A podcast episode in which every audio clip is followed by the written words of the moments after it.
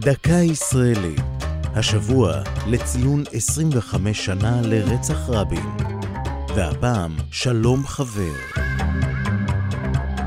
במוצאי שבת, 4 בנובמבר 1995, נרצח ראש ממשלת ישראל יצחק רבין.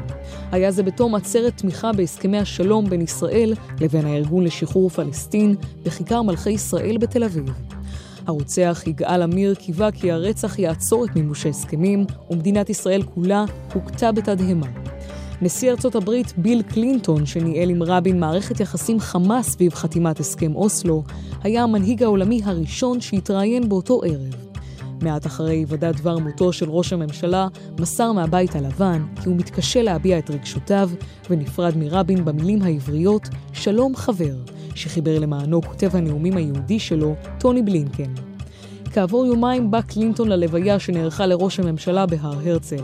בנאומו השווה בין הרצח לעקדת יצחק, קרא לישראלים להמשיך לדבוק בשלום וספד לחברו. עושה שלום במרומיו, הוא יעשה שלום עליינו, ועל כל ישראל, ואמרו אמן, ושלום חבר. את הביטוי שטבע אימץ הציבור הישראלי, ושלום חבר הודפס על מאות אלפי דבקיות שנפוצו אז ברחבי הארץ.